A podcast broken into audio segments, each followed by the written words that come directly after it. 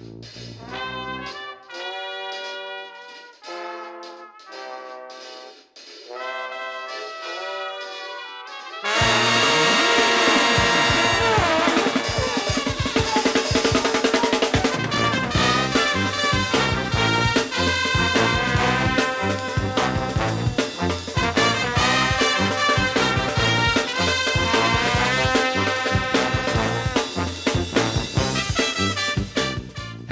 chroeso i benod naw o Ysbeidiau Heilog gyda fi, Lee Jones. A fi, Llywyd Owen, lle byddwn ni'n rhoi'r sylw i'r pethau bach sy'n greu gwahaniaeth mawr i ni yn ystod y cyfnod hollol honco hwn. Diolch i chi gyd am rando. Dyn ni'n bodlediad annibynnol a dyn ni'n dibynnu arnych chi er mwyn, wel, ein egos ni, really, ond hefyd er mwyn gwneud y podlediad y peth gorau gallwn ni i chi. So gofiwch i tanysgrifo, rhannwch, cliciwch like ar Twitter. Chi'n fod, mae pethau yma, maen nhw'n rhad ac yn ddim, maen nhw'n cefnogi ni. Ac uh, pwy oer, falle gallwn ni wneud pethau diddorol ac uh, rhyfeddol i chi yn y dyfodol. Ond, ta waith, llwyd, mae pawb yn gwybod pwy yw'n gwestiwn ni achos maen nhw wedi gweld y teitl o'r benod yn barod. Oh, man. so, mae dal yn uh, mynd i gael intro. Oce, okay, so, Mae gyda ni westau arbennig tu hwnt i chi heno. Um, A-lister go iawn. Gwir dywysoges Cymru hyd yn oed. Na, nid Camilla Parker Bowles.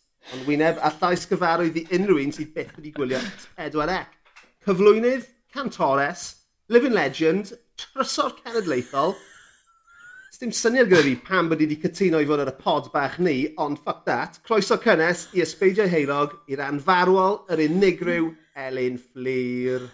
oh my gosh! yeah. Intro. Oh my gosh! Hwna ydy'r intro mwyaf anhygoel ydw i erioed wedi gael yn fy 36 o flynyddoedd ar y ddeiar yma. Um, diolch Llwyd, dwi yn... Um, ia, dwi'n gwybod beth i ddeud y e gwir. Wel, I mean, fi'n flabbergasted bod ti fan hyn.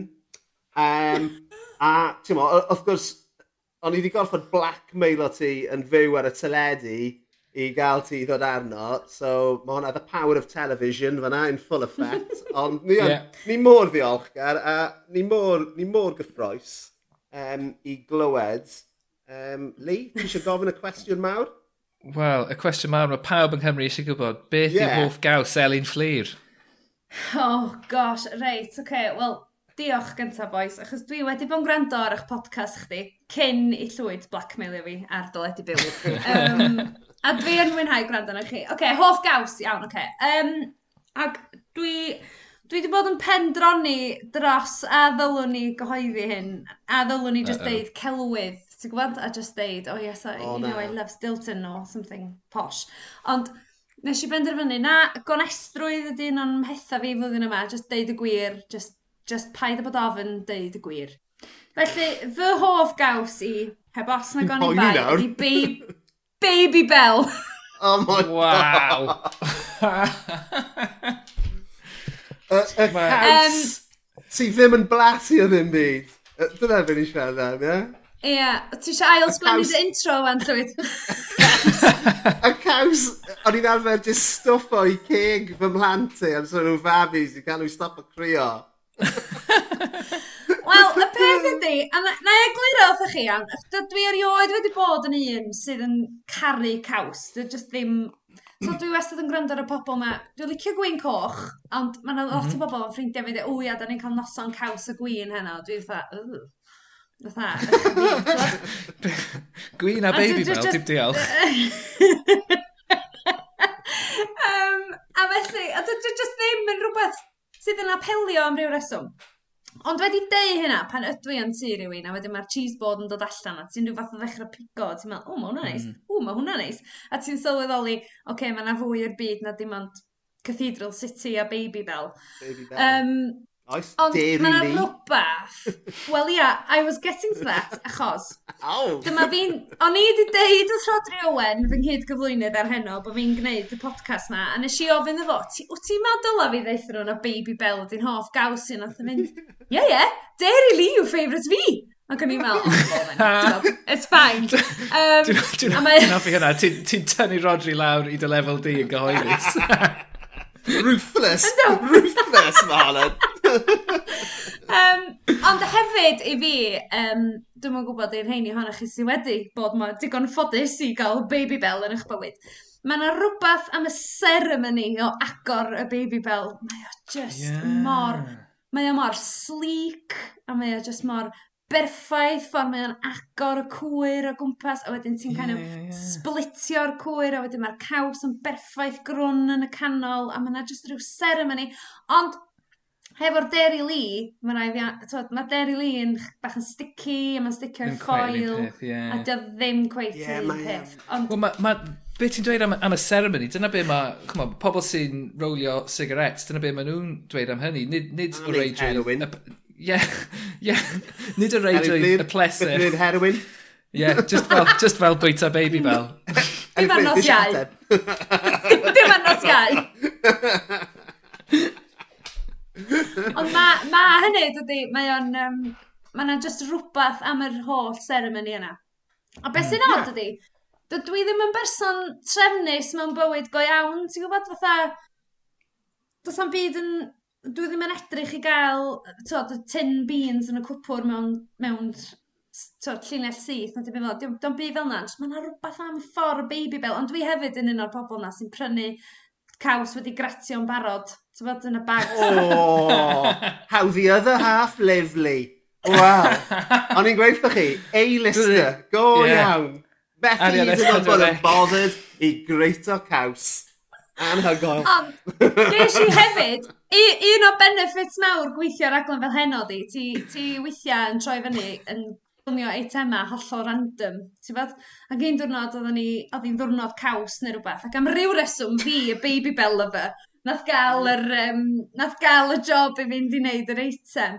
Ond yn lwcus i fi, dwi'n gweithio efo um, Sean Glynn sy'n gerddor, mae'n chwarae gitar yn y niwl, mae'n editor yeah, i ni. Sean Glynn. Ie, yeah, ond mae Sean Glynn yn fel...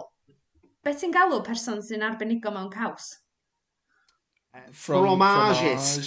Ie, yeah, neu rhywbeth. Hwna. Fromage free.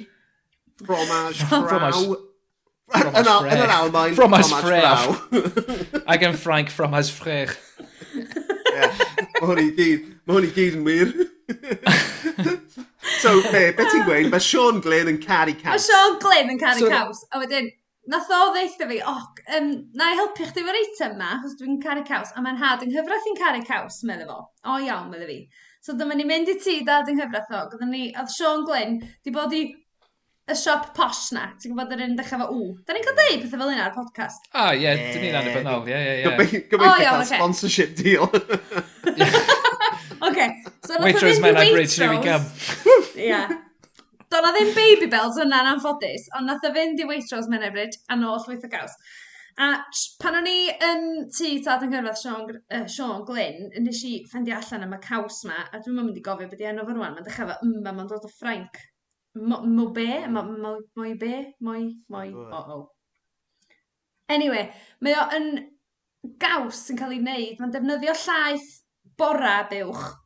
Mae hwnna'n cael ei roi fewn, a wedyn oh. maen nhw'n cymryd llaeth nos y buwch a rei hwnna am ei benno. A wedyn maen nhw'n rei heina... Hang on, hang on, hang on. Mae yna wahaniaeth yn y llaeth. Yeah. I mean, honestly, fi ddim yn ffarmo, obviously. Ond mae yna wahaniaeth rhwng llaeth bora a llaeth nos. Go iawn? Come on, Erin, fi eisiau gwybod nawr. O, dwi'n yn gwybod. Mae rai fyna un fwy cryni. O, dwi'n yn gwybod.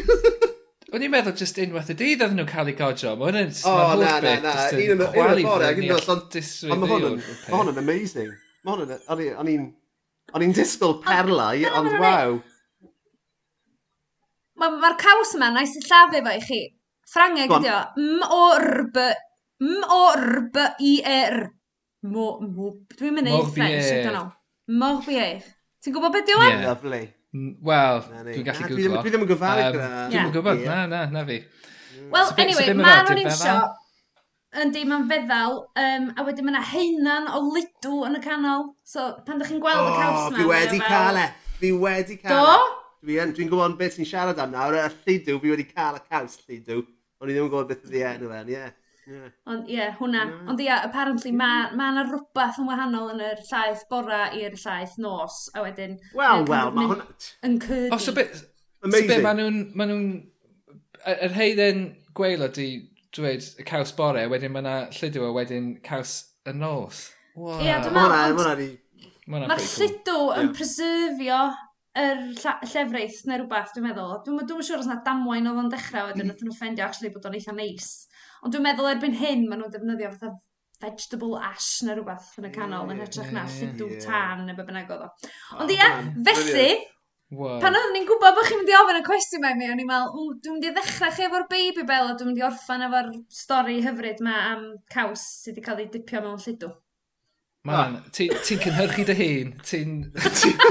Ti yn gwestai rhagorol. Dyna'r lefel o broffesionaldebs. Wel, ond mae gennau, mae gennau hefyd horror stories am caws, achos um, nath yn had yng nghyfraith i, un noson, rhyw ddolig, ddod drwad i'r lounge a dweud, oh my gosh, dwi wedi cael y caws anhygol na mewn um, hamper. Uh, a ni'n gwrando na chi actually yn trafod Stinky Bishop. Stinky Bishop? Mm. Yeah. Stinky, yeah, Stinking yeah, Bishop. Stinking Bishop, yeah. Stinking yeah. Bishop. Stinking Bishop. Stinky Bishop, na hwnna. Hwnna yw imaginary friend ti. hwnna ydy'r boi sy'n byw ar lon. Um, anyway, uh, A nath atgoffa fi o'r stori o fy nhad yng Nghyfraith yn dod drwad i'r lounge. O, tri ar caws ma, Elin, mae o'n lyflu, mae o'n lyflu. Mae o'n tynnu'n hoes i'n aml iawn. A nes i, ond oedd o'n edrych mor fatha, ti'n bod, na, mae, mae o rili yn enjoio'r caws yna. Oedd o'n byta fo, ac o'n i'n meddwl, oh, mae rai bod o'n neis. Flippin Nora. Oedd o, oedd o fatha bod fi wedi roed fel bod fi wedi rhoi pŵ buwch yn fy ngheg ac i fyny fy nhrwyn. Fatha, as dwi'n dychmygu na fel yma pŵ buwch yn blasu. A beth sy'n rili really odd am, am fy mre ni, dwi'n mynd i ddeud rhywbeth yma, dyla bod fi ddim yn ddeud o siwr o fod. pan dwi'n mynd i deimlo'n sal yn y car, neu os dwi'n cael rhyw fath o bug neu rhywbeth, mae fatha bod ymren i'n tontio fi, a mae o'n just yn mae o'n atgoffa fi bob tro dwi'n teimlo'n sic, mae'n mynd, cofio'r caws na, cofio'r caws na, a mae o'n ei fi'n waith! Wow. Wyt ti'n cofio enw'r caws yma? Uh, Stilton. Os ydy Stilton o'na? just, just, just bog standard Stilton. Bog standard. Pwy, pwy Stilton. Lovely. But, yeah, yeah. Oedd o yn awful, oedd o'n awful, awful. So dwi'n e- meddwl e- bod gennau'r palet yn efo. Oedd y stilt yma wedi goreifedu neu rhywbeth, neu just, ti'n mo, off the shelf stilt yn oedd e? O, Dwi'n gwybod oedd o'n very veiny. Ydyn nhw'n very veiny. Yeah. Mm. Yeah, ma nhw. Ond ti'n mo, ma rai pobl yn, yn, prynu caws. Oedd gen i gariad oedd yn prynu caws i'w thad hi bob nadolig. Oedd hi'n prynu fel, ti'n mo, clwmpyn mawr o Stilton, rhywbeth eiddfed, ond oedd hi'n prynu fe ar y diwrnod oedd e'n troi. So, so oh. gwed, gwed oedd hi'n prynu fe ar yr ugeinfed neu'r unfed ar hugen o ragfyr, oh.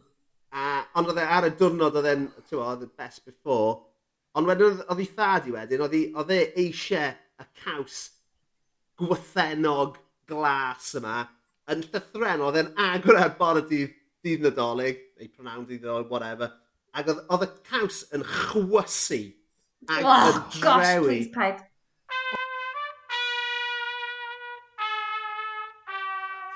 OK, so uh, Elin Fflir, uh, e, ni'n gofyn i'n gwestai ni gyflwyno dau beth sy'n neud nhw'n hapus yn ystod y cyfnod hollol honco hwn. So beth yw'r beth cyntaf ti eisiau cyflwyno i fi a Lee heno? Wel, y peth mwyaf sy'n ei fi'n hapus ar hyn o bryd ydy fy nghi fach chi.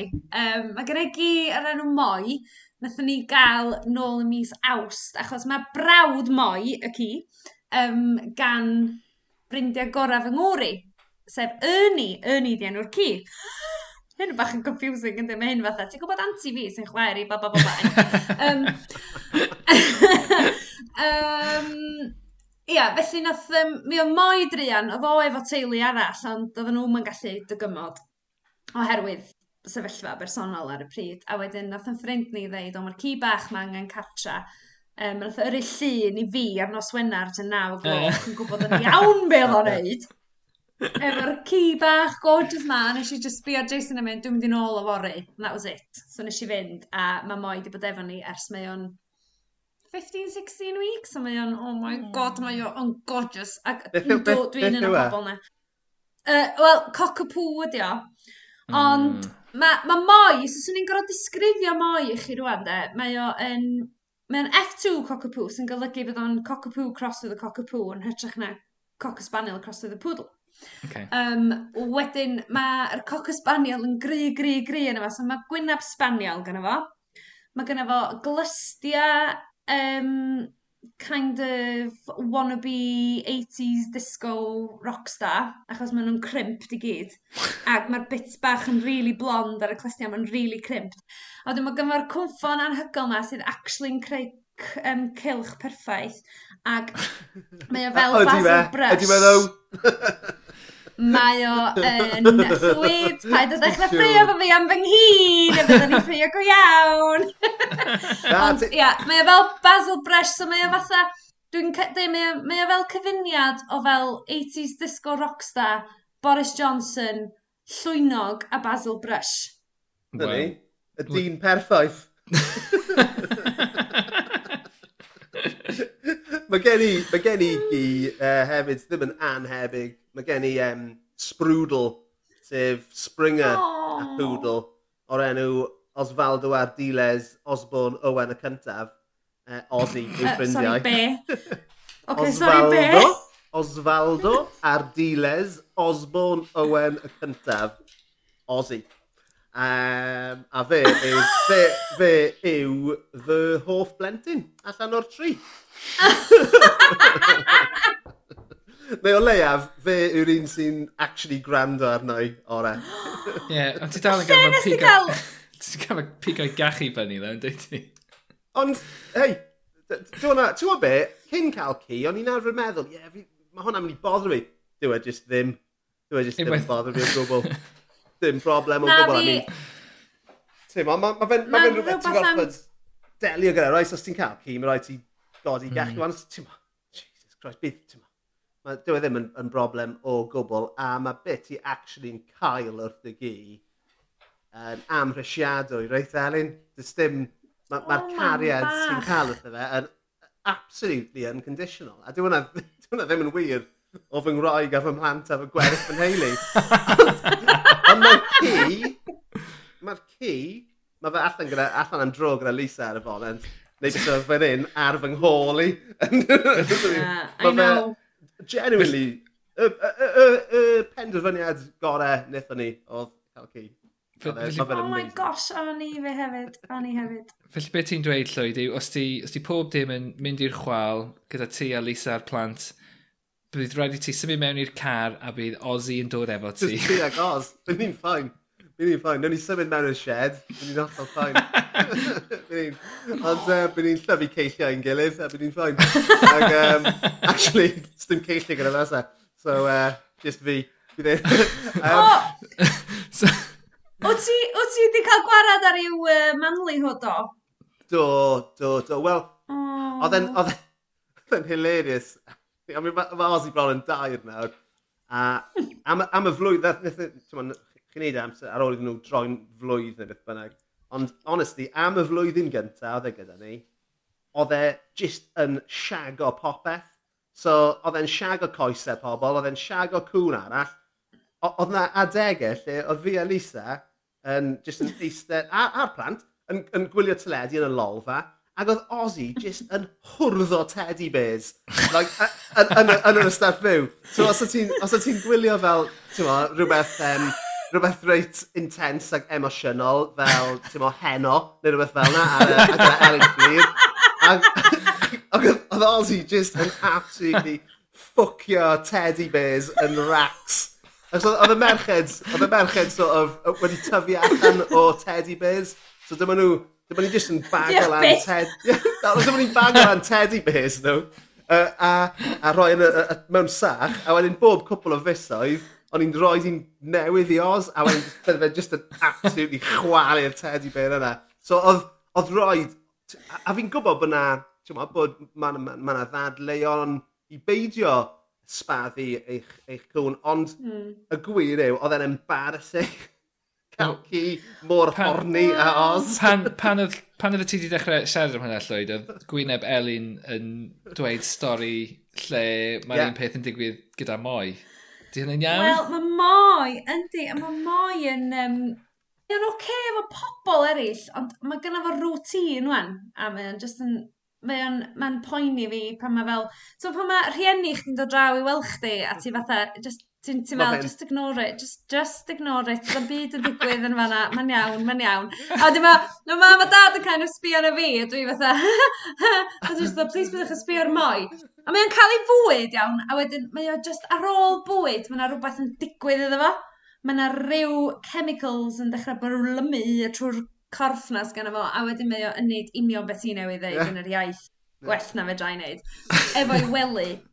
Ond hefyd, well, mae o, oh god, mae, mae o'n really, mae o'n just yn disturbio fi, mae o'n neud pethau really strange, a wedyn mae'n gallu cael i'w ben at i'w betha, a wedyn mae'n bethau very strange yn digwydd, a wedyn dwi'n trio dweud, paid a neud hynna mwy, paid a mm. neud hynna mwy, a mae jyst yn edrych yna fi fel, Mr really? Ti yn, sy'n ti'n gallu. Dwi'n trio. Shut up, mam. Byswn i... Ond oh, mae o just mor adorable ddo, otherwise, mm. pan di o ddim yn gwneud hynna, achos mae o fatha, So mae'r croeso ti gael pas i ddod trwy drws, mae just, dim os beth sydd wedi digwydd, mae'r ci. Ti'n gwybod am pobl yn cael therapy dogs, dwi? Mm.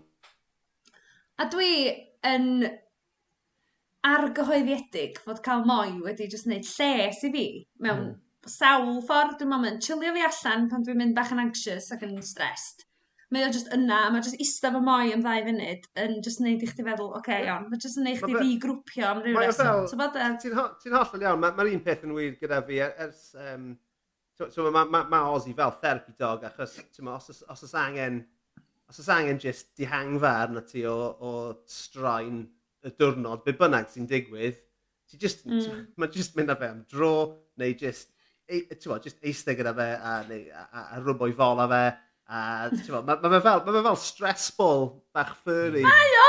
Ynddi? Ydy. Union hynna. Ond, ond, ie, oedd roed i ni sbaddu fe, achos e, e oedd e jyst yn mynd rownd y parc yn treial mount o popeth. Um, like, cwn arall. Ie, unwaith mae'n neud hynna i blant rhywun arall, mae'n rhaid i ti. Oh, wel, Oedd, oedd, oedd ci gyda... Wel, mae'r ma ci dal gyda fy rhieni yng nghyfraith sy'n byw ar Ynys Môn. Um, ci ar enw Baz. Um, Basil. Ti'n nabod Elin? Yn dod nabod yn iawn. Ac um, oedd, oedd Baz heb gael ei spaddu um, tan bod e, tua 7 neu 8 oed, a rheswm wnaethon nhw benderfynu spaddu fe yn y diwedd yw achos oedd e'n... Oedd yna rhyw gysylltiad, oedd yna rhywbeth am syfu fy merch fach i.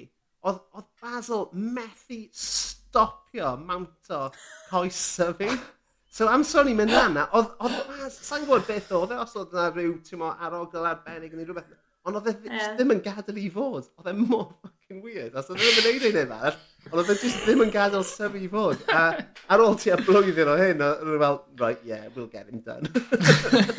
so, ydy, Lys, gen ti gi? Na, goes, mae gen i gath. Oh, no.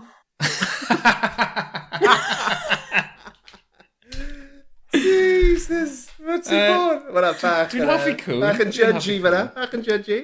Um, o, oh, na, dwi'n gwybod, sori. Mae Catho jyst yn edrych, fatha, mae gen y mrawd gath, ac mae nhw yn, yn amlwg yn caru i'w cath, ac dwi'n dallt y cariad atan ni fel, I get that.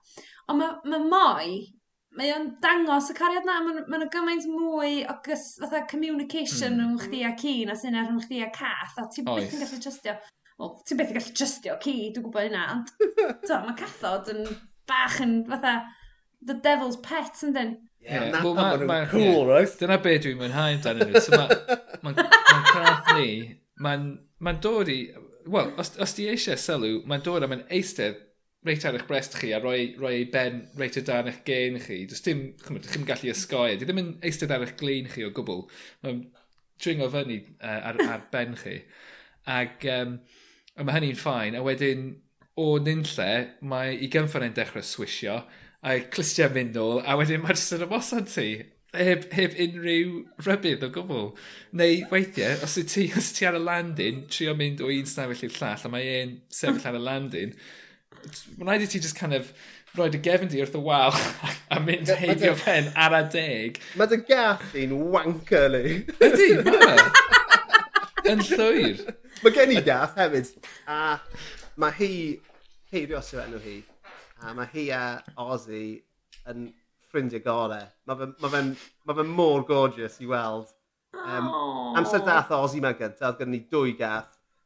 Um, ond mae ma un o'n wedi marw ac ers i Bootsy farw, mae Ceirios just yn caru Ozzy. A fi'n fi dod mewn fan hyn a maen nhw wedi cyrlo lan gyda'i gilydd, mm. maen nhw'n rwbo, ti'n mae Cathar yn rwbo i gen, a mae mm. hi'n neud hwnna i Ozzy. Ond mae ma, ma mor adorable. I love them. Fi'n caru nhw. So, fi'n fi gwybod beth ti'n gweud am gath, ond maen nhw'n aloof, ond hefyd, maen nhw'n ma nhw gallu bod yn super, super hyfryd. Ie. Yeah. Hefyd, so. yeah, ella dyla fi gael cath. Dwi'n wedi cael cath chwaith, so fedrai'n, fedrai'n deud be fysa fy mherthynas i efo cath. Dwi'n just, yeah. dwi'n meddwl gysi brofiad odd pan o'n i'n ifanc yn trio codi cath wyll a nath i scratcho fi, a wedyn that was it. Wedyn o'n i just, ti'n peintio Just yeah. meddwl am gathod i gyd yeah. yr un peth sydd yn anghywir. Wel, dyna be maen nhw'n neud. Wel, maen nhw'n neud hynny. Dwi'n dwi, dwi casau cymryd y gath i'r mil feddyg. Achos mae'n ma casau'r holl beth. Mae'n ma, mm. stressful i bawb. A beth yw'r pwynt? Yeah. oh my gosh, o o rhaid i fi fynd am mwy at y mil feddyg yn dwrnod oedd efo gael popio i glans yn ei ben ôl. Oh. OMB. da chi di gorau neu hynna? Mae hwnna'n hilarious experience. Oedd, ie, oedd gen i, wel, yr ex, oedd ei chwaer hi yn uh, dog dogrwm a hwnna oedd un o'r gwasanaethau oedd hi'n uh, cynnig i, uh, i cwsmeriad. Wel, i, i cwni i cwsmeriad hi, gael dweud. Happy endings. OK, cwestiwn arall.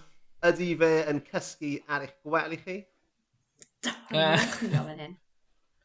Mae fe definitely yn, ynddo fe? Wel, ti'n gweld iawn. O'n i, o'n i wastad yn... yym, Mae gen i ffrindiau sydd efo cwn ac oedden nhw'n dweud, o ia, ma, mae cini'n cysgu fan ni. Ac o'n i jyst oedd, y, bagiau chwain, ych. Ie. A rwan mae moi yn, wel, wel, i fod yn onast, be na ddigwydd oedd.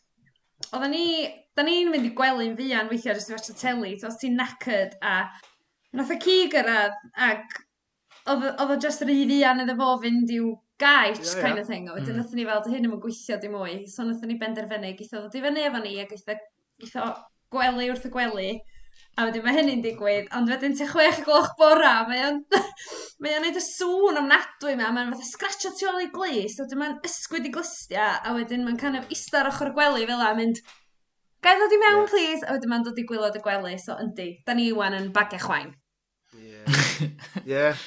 Wel, mae yeah. ma Garth yn cysgu ar y gwely efo ni, a mae ma wastad yn frwydyr rhwng fi anghariad i cydw i, i weld ar, ar ochr pwy mae'n mynd i gysgu. Achos os ti'n cysgu ar eich ochr chi, mae'n rhaid i chi just plygu chi'n o oh, gwmpas man. y gath. A, a chi'n deffro'n bore wedyn gyda Kevin yn brifo. Yeah. Ond, uh, a mae'r gath, y gath yn ganol nos yn fatha rwbo ar erbyn chi ac yn pyro. O oh, ie, yeah. wel, ie, yeah, pedwar gloch o bore, mae'n barod i fynd allan. Fuck off. Yeah. no. Honestly, no, fi ddim yn gadael, y, y, y, dwi, dwi ddim yn gysgwr trwm iawn. So dwi'n meddwl, dwi'r gath ddim yn cael o'n agos, dwi'r ci ddim yn, yn dod lan. Dwi'n meddwl ddim i fynd yn cael mynd lan grisiau.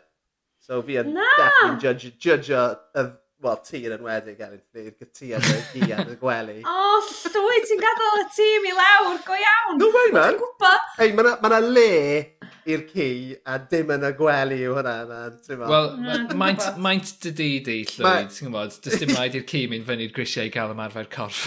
na, na, mae ganddo fe, ti'n gwybod, mae ganddo fe digon o le lawr fan hyn. Ac, um, ond ie, yeah. dim ond, dim ond lle un grawler sydd yn gwely fi.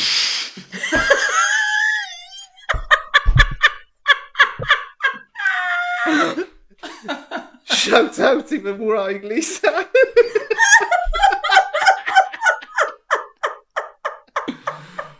oh my god, Llywyd. Nothing on that. Not really. What's going on? Just felly yn poeri ti o ta. Dwi'n credu ti di dweud y fath beth o flaen Elin Fleer. I'm sorry. Sorry. sorry. Na, mae'n iawn. Dwi'n ymlacio gormod. Sorry, Elin. reason fi'n bod yn yna. Dwi just yn really conscious o dda. dwi eisiau deud o beth ar ôl beth i ddeud, a dwi eisiau paid o deud o Elin, ti'n mynd i ddefalu fo drwy'r nos, just cael dy geg, just cael dy geg. Oh, gosh. Os gennych chi fel llais od, da chi'n neud, yn siarad am eich anifeiliaid? Ie. Ie, yeah, dwi'n dwi siarad ffrengig mm. efo yng Nghath i. Ie, mae cath, ma cath ydi gyd yn siarad ffrengig. mae hwnna yn ffaith. Gwrs bod nhw. Ie. Oes, ma... Ys yn syml, ydy?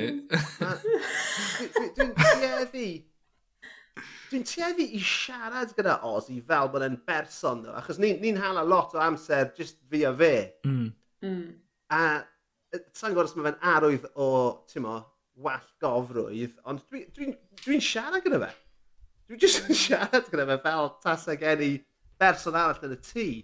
Um, I mean, dwi'n dwi, dwi, dwi meddwl na gwell gofrwydd dyna. Na, ond hefyd, eto, dwi'n mynd yn ôl i'r therapi ma.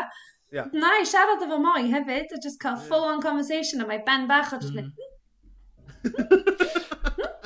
Clywsoch chi... Un ochr i llall.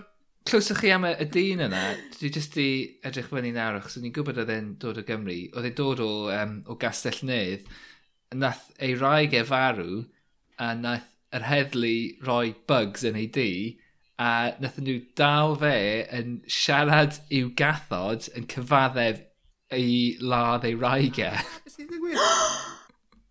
Be? Pa bryd? Wel, nid yn hir yn ôl, tua uh, 5 mlynedd yn ôl i rhywbeth, neu, o, oh, 2008. So ie, yeah, ddim, yn, ddim yn hir yn ôl. be? Wel, ti'n be, mae yna bethau bonkers fel yna'n digwydd yng Nghymru, yn does? Mae'n oedd rhyw Oes. crimes. Dyle rhywun... Ti'n meddwl, who? Hmm? A just, just, ie, yeah. o dyna, dyna'r fath o bethau, chwbod, dyna'r fath o gysur ydych chi'n gallu cael o, o, o anifeiliad anwes yw um, cyfaddef i uh, pob dim ydych chi'n neud. Dy llwyd yma, gan yna, mae just... Mae llwyd jyst yn cyfadda i'w grawlio yma ar y podcast, dyn ni wedi. Ie, mae llwyd, mae Llwyd jyst yn ysgrifennu nofelau ac yn esgus taw rhywun arall yw'r prif cymeriad. a be, lle gys ti'r enw yna eto? Os, be oedd o? Ozi... Osvaldo Ardiles, Osborne wen y cyntaf. So, o'n i'n... O'n i'n ah, O'n i'n stryglo i ffeindio enw oedd pawb yn hapus ar, rhaid fi ar, ar merched. O'n i'n just, on i just yn ffeindio'n rili really anodd cytuno ar enw. So, nes i dechrau fynd trwy fy records i. A nes i ddod at um, record Black Sabbath a mynd, o, oh, se Ozzy yn enw da. a dyma pawb mynd, o oh, ie, yeah, Wel, hwnna'n cool. Ond ers hynny, mae fe jyst wedi esblygu o just o Ozzy, a Ozzy Osbourne, i fi'n fi gael fe'n Osvaldo yn, a, yn aml. So, a, Osvaldo a Diles yn chwarae pel droed i Spurs. So mae fe jyst wedi esblygu i enw stupid. Ond mae fe'n ma fe, ma fe great am sy'n ti'n cwrdd y pobl. Achos mae'n siŵr yn wir i ti hefyd, am, amser ti'n mynd allan am dro gyda'r ci, ti'n cwrdd â loads o bobl sy'n cerdded i cŵn, mm. a yeah. ti'n ti'n dod i adnabod enwau'r cwn, ond ti ddim yn adnabod mm. enwau'r bobl. Na, enw nhw, ia, dwi'n gwybod. Ie. A maen nhw'n mynd, oh, a maen nhw'n mynd, oh, what's, what's your dog called? Oh, ti'n mo, moi, a rhywbeth boring fel yna. A wedyn maen nhw'n mynd, um, maen nhw'n mynd, oh, what about yours? A chi'n mynd, Osvaldo Ardiles, Osborne Owen the First. a maen nhw'n mynd, What a wanker. What a wanker. Ac yn cerdded off. O'n i'n mynd i ddweud. Hei, fi'n fi gwybod beth ydw i. Peidiwch chi poeni. Fi'n gwybod yn iawn beth ydw i. I'm under no illusions. oh, na, maen nhw'n amazing. So, maen nhw'n peth gorau ever. Maen nhw'n. Maen nhw'n. So, mae moi yn amlwg yn rhoi gwen ar dywyneb. Um, mm -hmm. Beth arall? ti Eisiau Wel, gyda ni. Dwi'n poeni bod fi'n kind of colli'r brif efo'r ateb yma, achos beth sy'n ei fi'n hapus wythnos yma, gai fynd o fanna. Um, achos... Okay, siwr. Mae rhaid i fi fynd hefo um, y ffaith bod fy nhafarn lleol i wedi cael agor. Yes! Achos mae'r dafarn lleol, hynny ydy, dwi'n gwybod os ydych chi fel fi, okay? mae yna ma, na ryw, ma na deimlad o fel llawenydd bod y llefydd mae'n agor, ond hefyd mae yna the feeling of dread bod bob dim yn mynd yn ôl i normal a ti'n kind of mm. mynd chydig bach yn anxious. Ydy llwyd yn mynd i toilet tra bod fi'n siarad? Na, fi dal fyna, fi jyst yn symud yn agos ydy, hwn, at yr... Uh... Ydy hwn fel y penod really tywyll yn un o nofela llwyd lle mae'n surprise ni wrth fynd â ni'r toilet.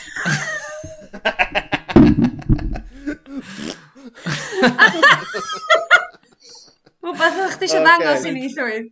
A mae o. Gobeithio ddim. Dwi'n falch iawn o weld, bod okay. chi'n eistedd lawr yn load. Sorry. Um, na, uh, lle fi alw ni fan? O ia, oh, pubs yn ail agor. Ie. Ond mae o fel, um, mae o'n neud fi'n really hapus bod y llefydd mae gyd yn agor, ond ar yr un pryd, mae'n rhyw kind of sense of dread, achos ti'n meddwl, oh my gosh, mae bywyd yn mynd yn ôl i normal, ac er bod ni gyd isio hynna, dwi'n meddwl bod o hefyd yn gallu bod yn, um, yn anodd i ni, to, da ni wedi bod yn y, yn y drefn ma o jyst bod mm. adra mor hir a ti wedi dod i drefn, ti wedi cael patrwm newydd yn dy fywyd a dwi'n teimlo bod patryma bywyd pawb wedi distewi, to, mae jyst di mynd yn slofach ac wedi mynd yn Wel, mae'n ychydig bach fwy amser i ni'n hynna'n dwi'n meddwl, dwi'n mynd siarad dros bawb, ond yn achos fi.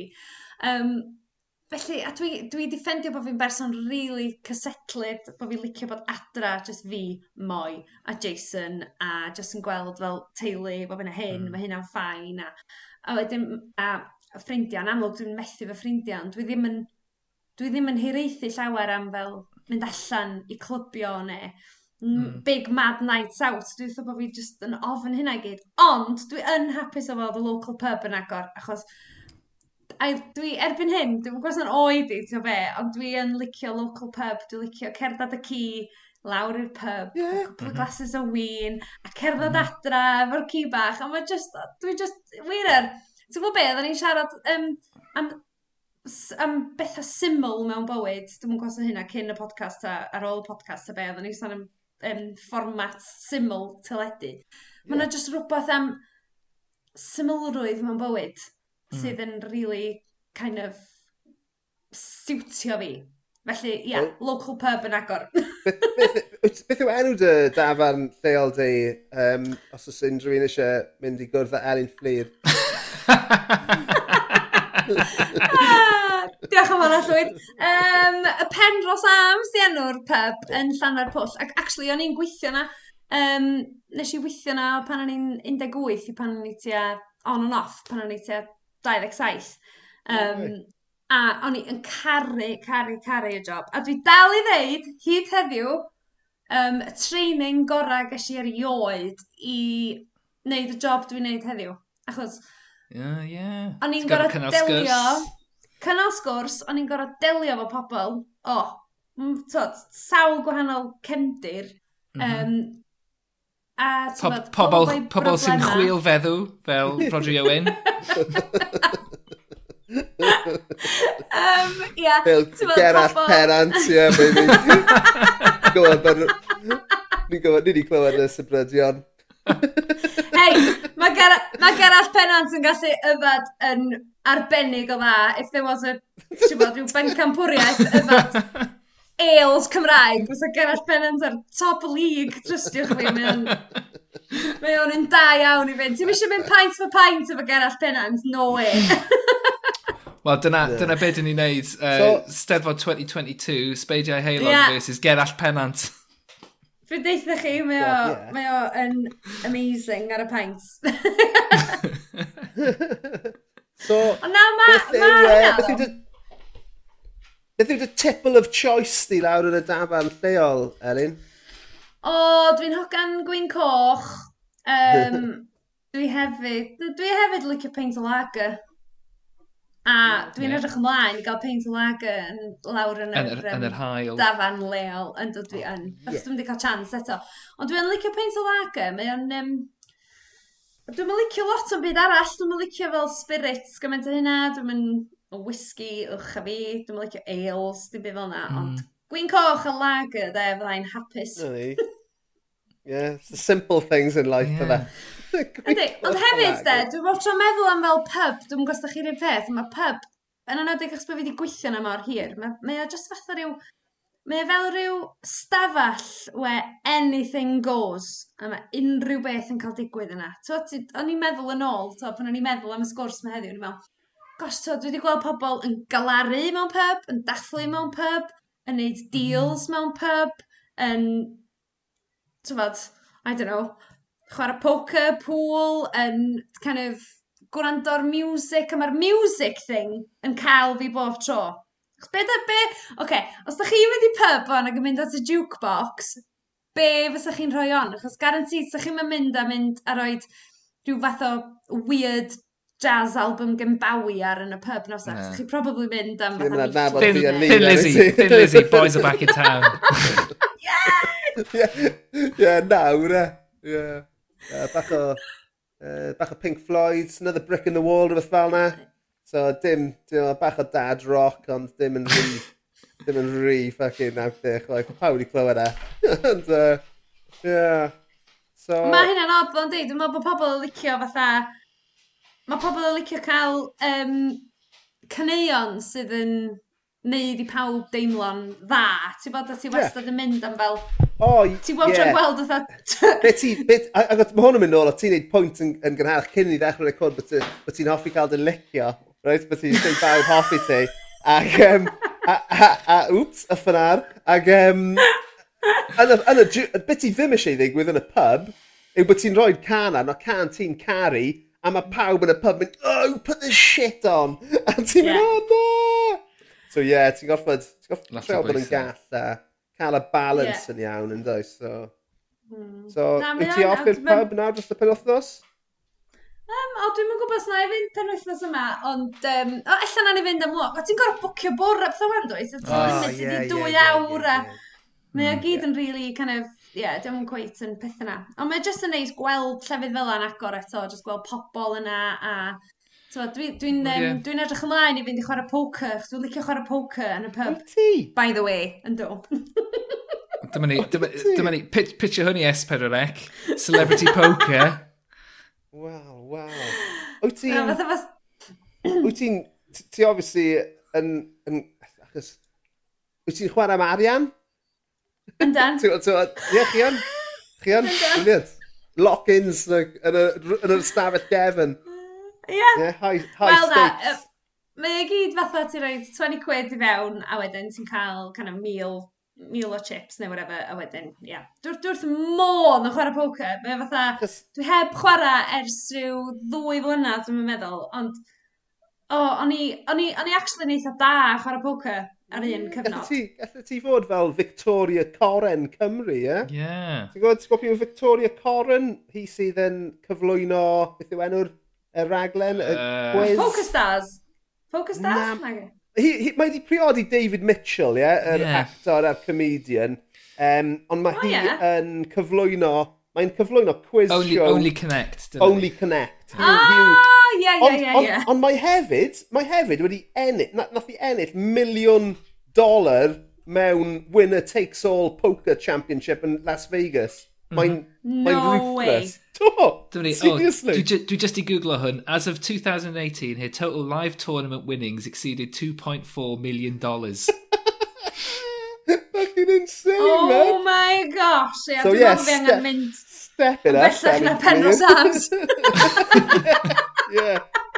Yeah. Ond dwi'n dwi lyfio pethau fel yna. Dwi'n mynd berson sy'n licio sport a pethau fel yna, sgan llawer o ddiddordeb, ond swn i'n so gwylio poker ar teli am oriau, dwi just yn... Achos mae o mor fascinating o gêm, achos dio ddim, oher... dio ddim lawr i gael y cardiau cywir, yndi, it helps wrth gwrs, os ti'n efo good hand, ond mae e gyd yn ei efo ffordd ti'n chwarae, yr hand yna, ti'n mae e gyd y sut ti'n, Yr, yr blyffio dy chwaraewyr eraill, a mae pethau fel ei fi jyst yn, oh my gosh, pan mae pobl yn neud o'n dda, mae jyst yn anhygoel fatha. Ti'n meddwl, waw! A to y guts ti'n gorau neu, gael weithiau i jyst mynd, er, ell, ella bod gennych chi fatha 2 neu 3 yn dy law, a bod yna potential full house ar y bwrdd, a ti'n meddwl, oh, what do I do, what do I do, I'm gonna bluff them, a ti'n jyst yn fatha outbidio pawb, a wedyn ti'n the champion of the world ar y diwedd. Oh my gosh, what a feeling. Wych. Dyna ni. Mae hwnna amlwg yn neud, dys ti dewis poker as mae'n neud ti'n apesach na unrhyw Ie, dyla fe fi wedi, actually. Ond dyna di peth, mae'r pub yn kind of cynrychioli lot o bethau sy'n neud fi'n hapus, gweld. Dyna di o. Ond mae'n, ti'n bod, fel ti'n kind of crybwyll yn fanna, mae'n ma rhan bwysig o'r gymuned. Um, a dyna beth dwi'n teimlo efo, dim ond un pub sydd gennym ni yn, yn fan hyn, lle, lle dwi'n byw, os coelwch chi hynna, yn y metropolis. Yn Llundain. Un pub yn Llundain. Un pub, un pub. Oh Mae yna rhywun yn dweud clwyddo atha chdi, Lee. Ti ddim yn Llundain, ti'n ti llanach medd. God, nath rhywun cael ei stabio yn Llanach y Medd bore yma. Um, What? just lawr y, just lawr y ffordd i fi. Uh, um, na, ond, ond twyd, dyna beth yw e. Oedden ni'n, achos, chwbod, does dim lot i wneud o gwmpas yn fama lle dyn ni'n byw, a just yr un pub yma, a dyn ni'n mynd yna pob, wel, mi oedden ni'n mynd pob, benyth, pob penwythnos gyda, gyda mm. merch ni, a dyna oedd rhan pwysig o'r rŵtín oedd mynd i'r pub, a dych chi'n gweld, ie, yeah, tanko. Tanko um, gyda plant. Yeah. Lovely. Mae rhaid iddyn nhw ddysgu, does. Um, na, ond... ond Ti'n bod, dych chi'n um, dych chi'n dod yn gyfarwydd ar staff a chymod, maen nhw'n eich adnabod chi a chymod, oedd ni'n cael discount yna achos oedden ni'n regulars a dwi'n Dwi'n meddwl problem, ti'n gael hynna li? Ie, dwi'n meddwl. Hwna, hwna, hwna... Dim discount o'n e, oedd just methu cyfri. Hwna hwnna dwi'n ail le yn Llundain i fi cael discount achos dwi'n mynd yna mor aml. Yr ail pub i fi cael discount ynddo fe. Mae'n ma eitha difrifol yn dwi. Na, um, mae hynna'n iawn, li. Ond ti'n gwybod beth ddigwydd i fi, um, oedd um, pan o'n i'n gweithio yn y pub ma, mae'n ma nuts really pan dwi'n edrych nôl ar ei o'r storys pan o'n i'n gweithio yn y pub, oedd um, oedd rhyw fwy. O'n i'n, o gynna i shifft am os iau, oedd y boi ma'n dod i fewn bob nos Wener. Ac um, nath ddod i fewn arno, um, na, be oedd yn digwydd? Anyway, nes i fethu shift, o'n i'n sal neu rhywbeth, ac ar y noson o'n i'n sal, nath y boi ma ddod i fewn, un o'r regulars ni, ac o'na 13 person yn y pub, a nath o droi rownd a deud, dwi newydd ennill 8 miliwn a hanner o bunna ar y loteri. A nath o roi cash i pawb a deud, a dwi'n mynd â chi gyd ar two-week holiday i, dwi'n cofio lle nath nhw fynd fan, Hawaii neu beth. Oh my gosh! dwi erioed wedi bod mor gytid bod fi ddim yn gweithio yn y pub yn noson hano. Wir er i chdi, true story, a nath o actually wow. fynd yn nhw i gyd fyd. So, doedden nhw i gyd yn kind of nabod i gilydd, dim really. Ond, um, yeah. Wow. And to, rub, and to rub salt in the wound, oedd un o'r, po, un o'r pobl yn, yn y pub noson yna, oedd yn byw yn Canada, a nath o brodi ei wraig um, ar yr holiday yna yn Hawaii, a nath nhw ddod adra, nath o ddeud, oh, we played your song in our wedding, Ellen, the Alana Moore. a ni'n gutted. Oh O'n i fatha, surely sa fod i costio few hundred quid i'r boi na, just fflio fi allan i fi gael canu yn dy brodas di yn Hawaii. Bloody cheapskates. Ie, yeah, o'n i bach yn gutted. So ti wedi gweld unrhyw, um, unrhyw kind of trafferth neu trwbl pan oedd ti'n gweithio yn y pub neu um, ti'n ti, ti dweud bod ti wedi gweld pob fath o emosiwn yna.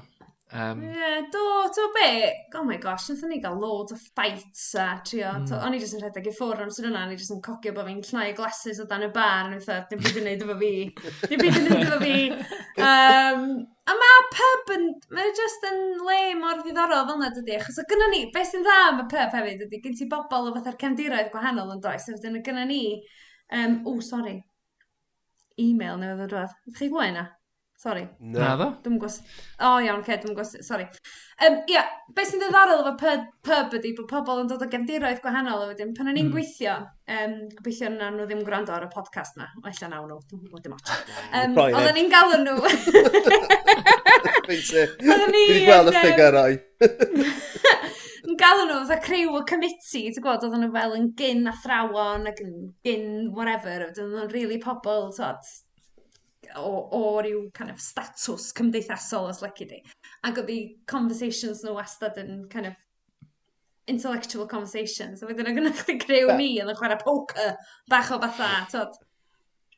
Ond um, dyna, ac wedyn o gynnu ni'r crew bach ma'n dod i fewn yn chwarae dominos, a maen nhw i gyd i marw rwan, a mae hynna'n rili really trist. Mm. Ond hmm. o'n i wrth y modd, o'n i wrth y modd, a dwi'n dwi mynd yn ôl i hynna drwy'r amser, o'n i'n oedd o'n gymaint o good training i wybod sydd wedi ddelio hefo pobl. So, da dwi'n deud hynna wrth ffrindiau fi gyd wan sydd efo plant, mm. dwi'n deud. Gynawch yn siŵr bod y plant yna'n gweithio mewn pub am o leia chwe mis pan maen nhw'n tyfu fyny, achos mae o yr addysg gorau geith berson yeah. ifanc i sut... Enwedig heddiw, dwi'n meddwl, achos mae plant fatha gymaint yn ei ffôns, mae actual cyfathrebu efo person, yn enwedig achos y lockdowns hefyd. So, da ni'n mynd o gymaint o hynna na yeah, Yeah. Mae o'n sgil fatha Mae o'n sgil, actually. Mae o'n sgil cyfathrebu efo rhywun a gallu neud o mewn ffordd fatha. Tywad, just gwybod sut i ddalio efo pobl de. Tywad, mae hwnna'n yeah. ma hwnna yeah. kind of gwers Ydy. bywyd pwysig. Siarad, Get down to the pub, kids!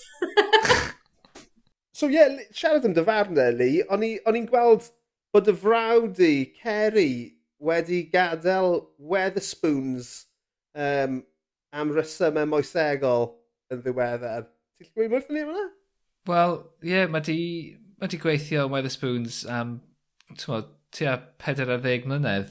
Um, yeah. A, ti'n mae di cyrraedd lefel lle mae fe'n derbyn salary gynddyn nhw.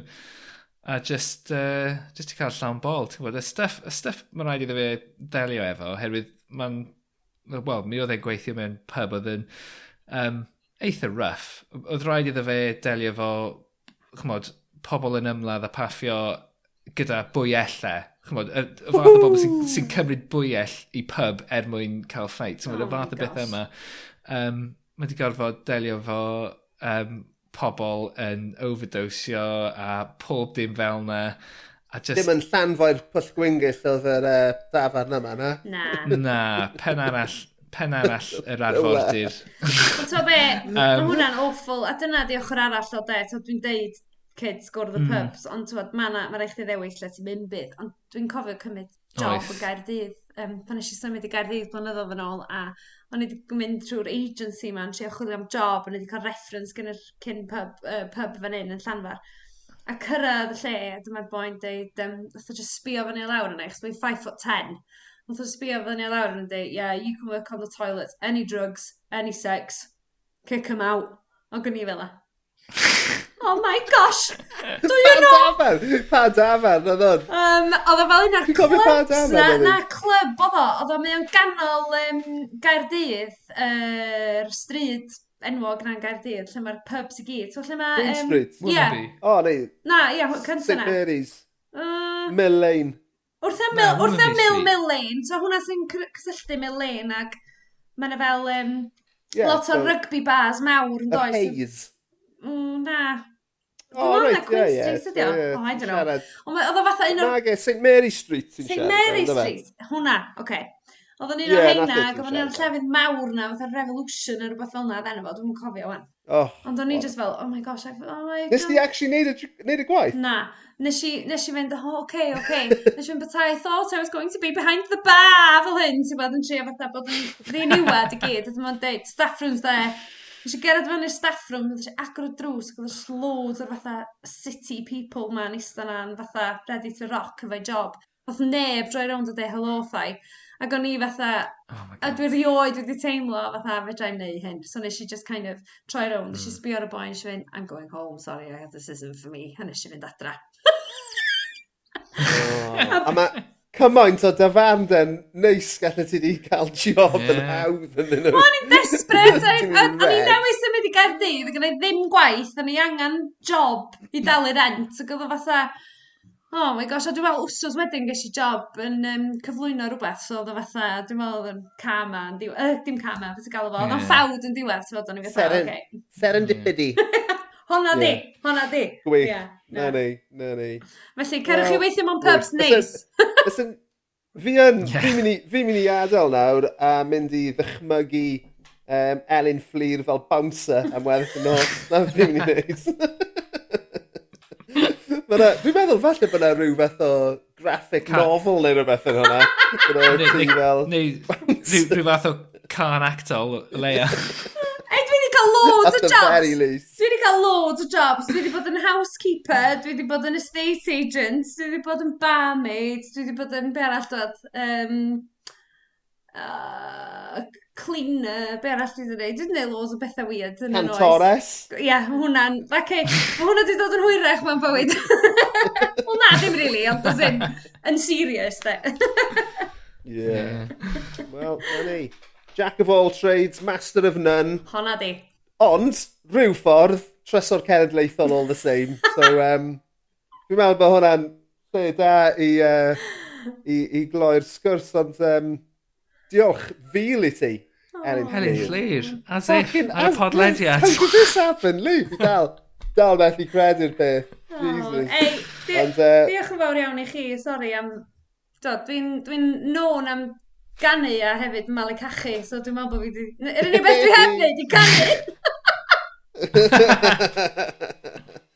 Ond, uh, um, os, os oes unrhyw un eisiau gweld neu clywed mwy o Elin Fflir, ti ar hen o bob wythnos oed, a wyt ti, os yna gyfres newydd o beth oedd enw e, sgwrs dan y...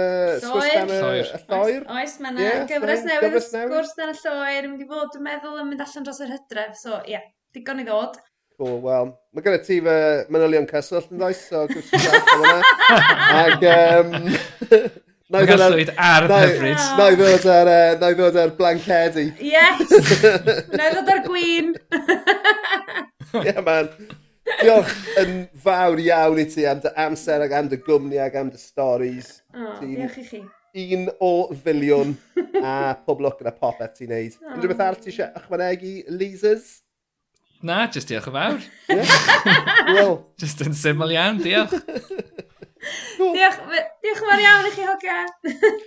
A ah, ti'n brilliant, Elin, ti'n absolutely fantastic. Diolch oh siwt gwmwys i ti am, am bod gyda ni oh heno. Oh my gosh, guys. Wrap it up, dyna ddigon. No, no, we've done now. This isn't, this isn't, this isn't in. This is... Oh, dwi'n teimlo fatha bod fi... Dwi'n cyrraedd y pwynt. Dwi'n dim sens, guys. Ond gobeithio gywch chi wbeth, sori. Gynal.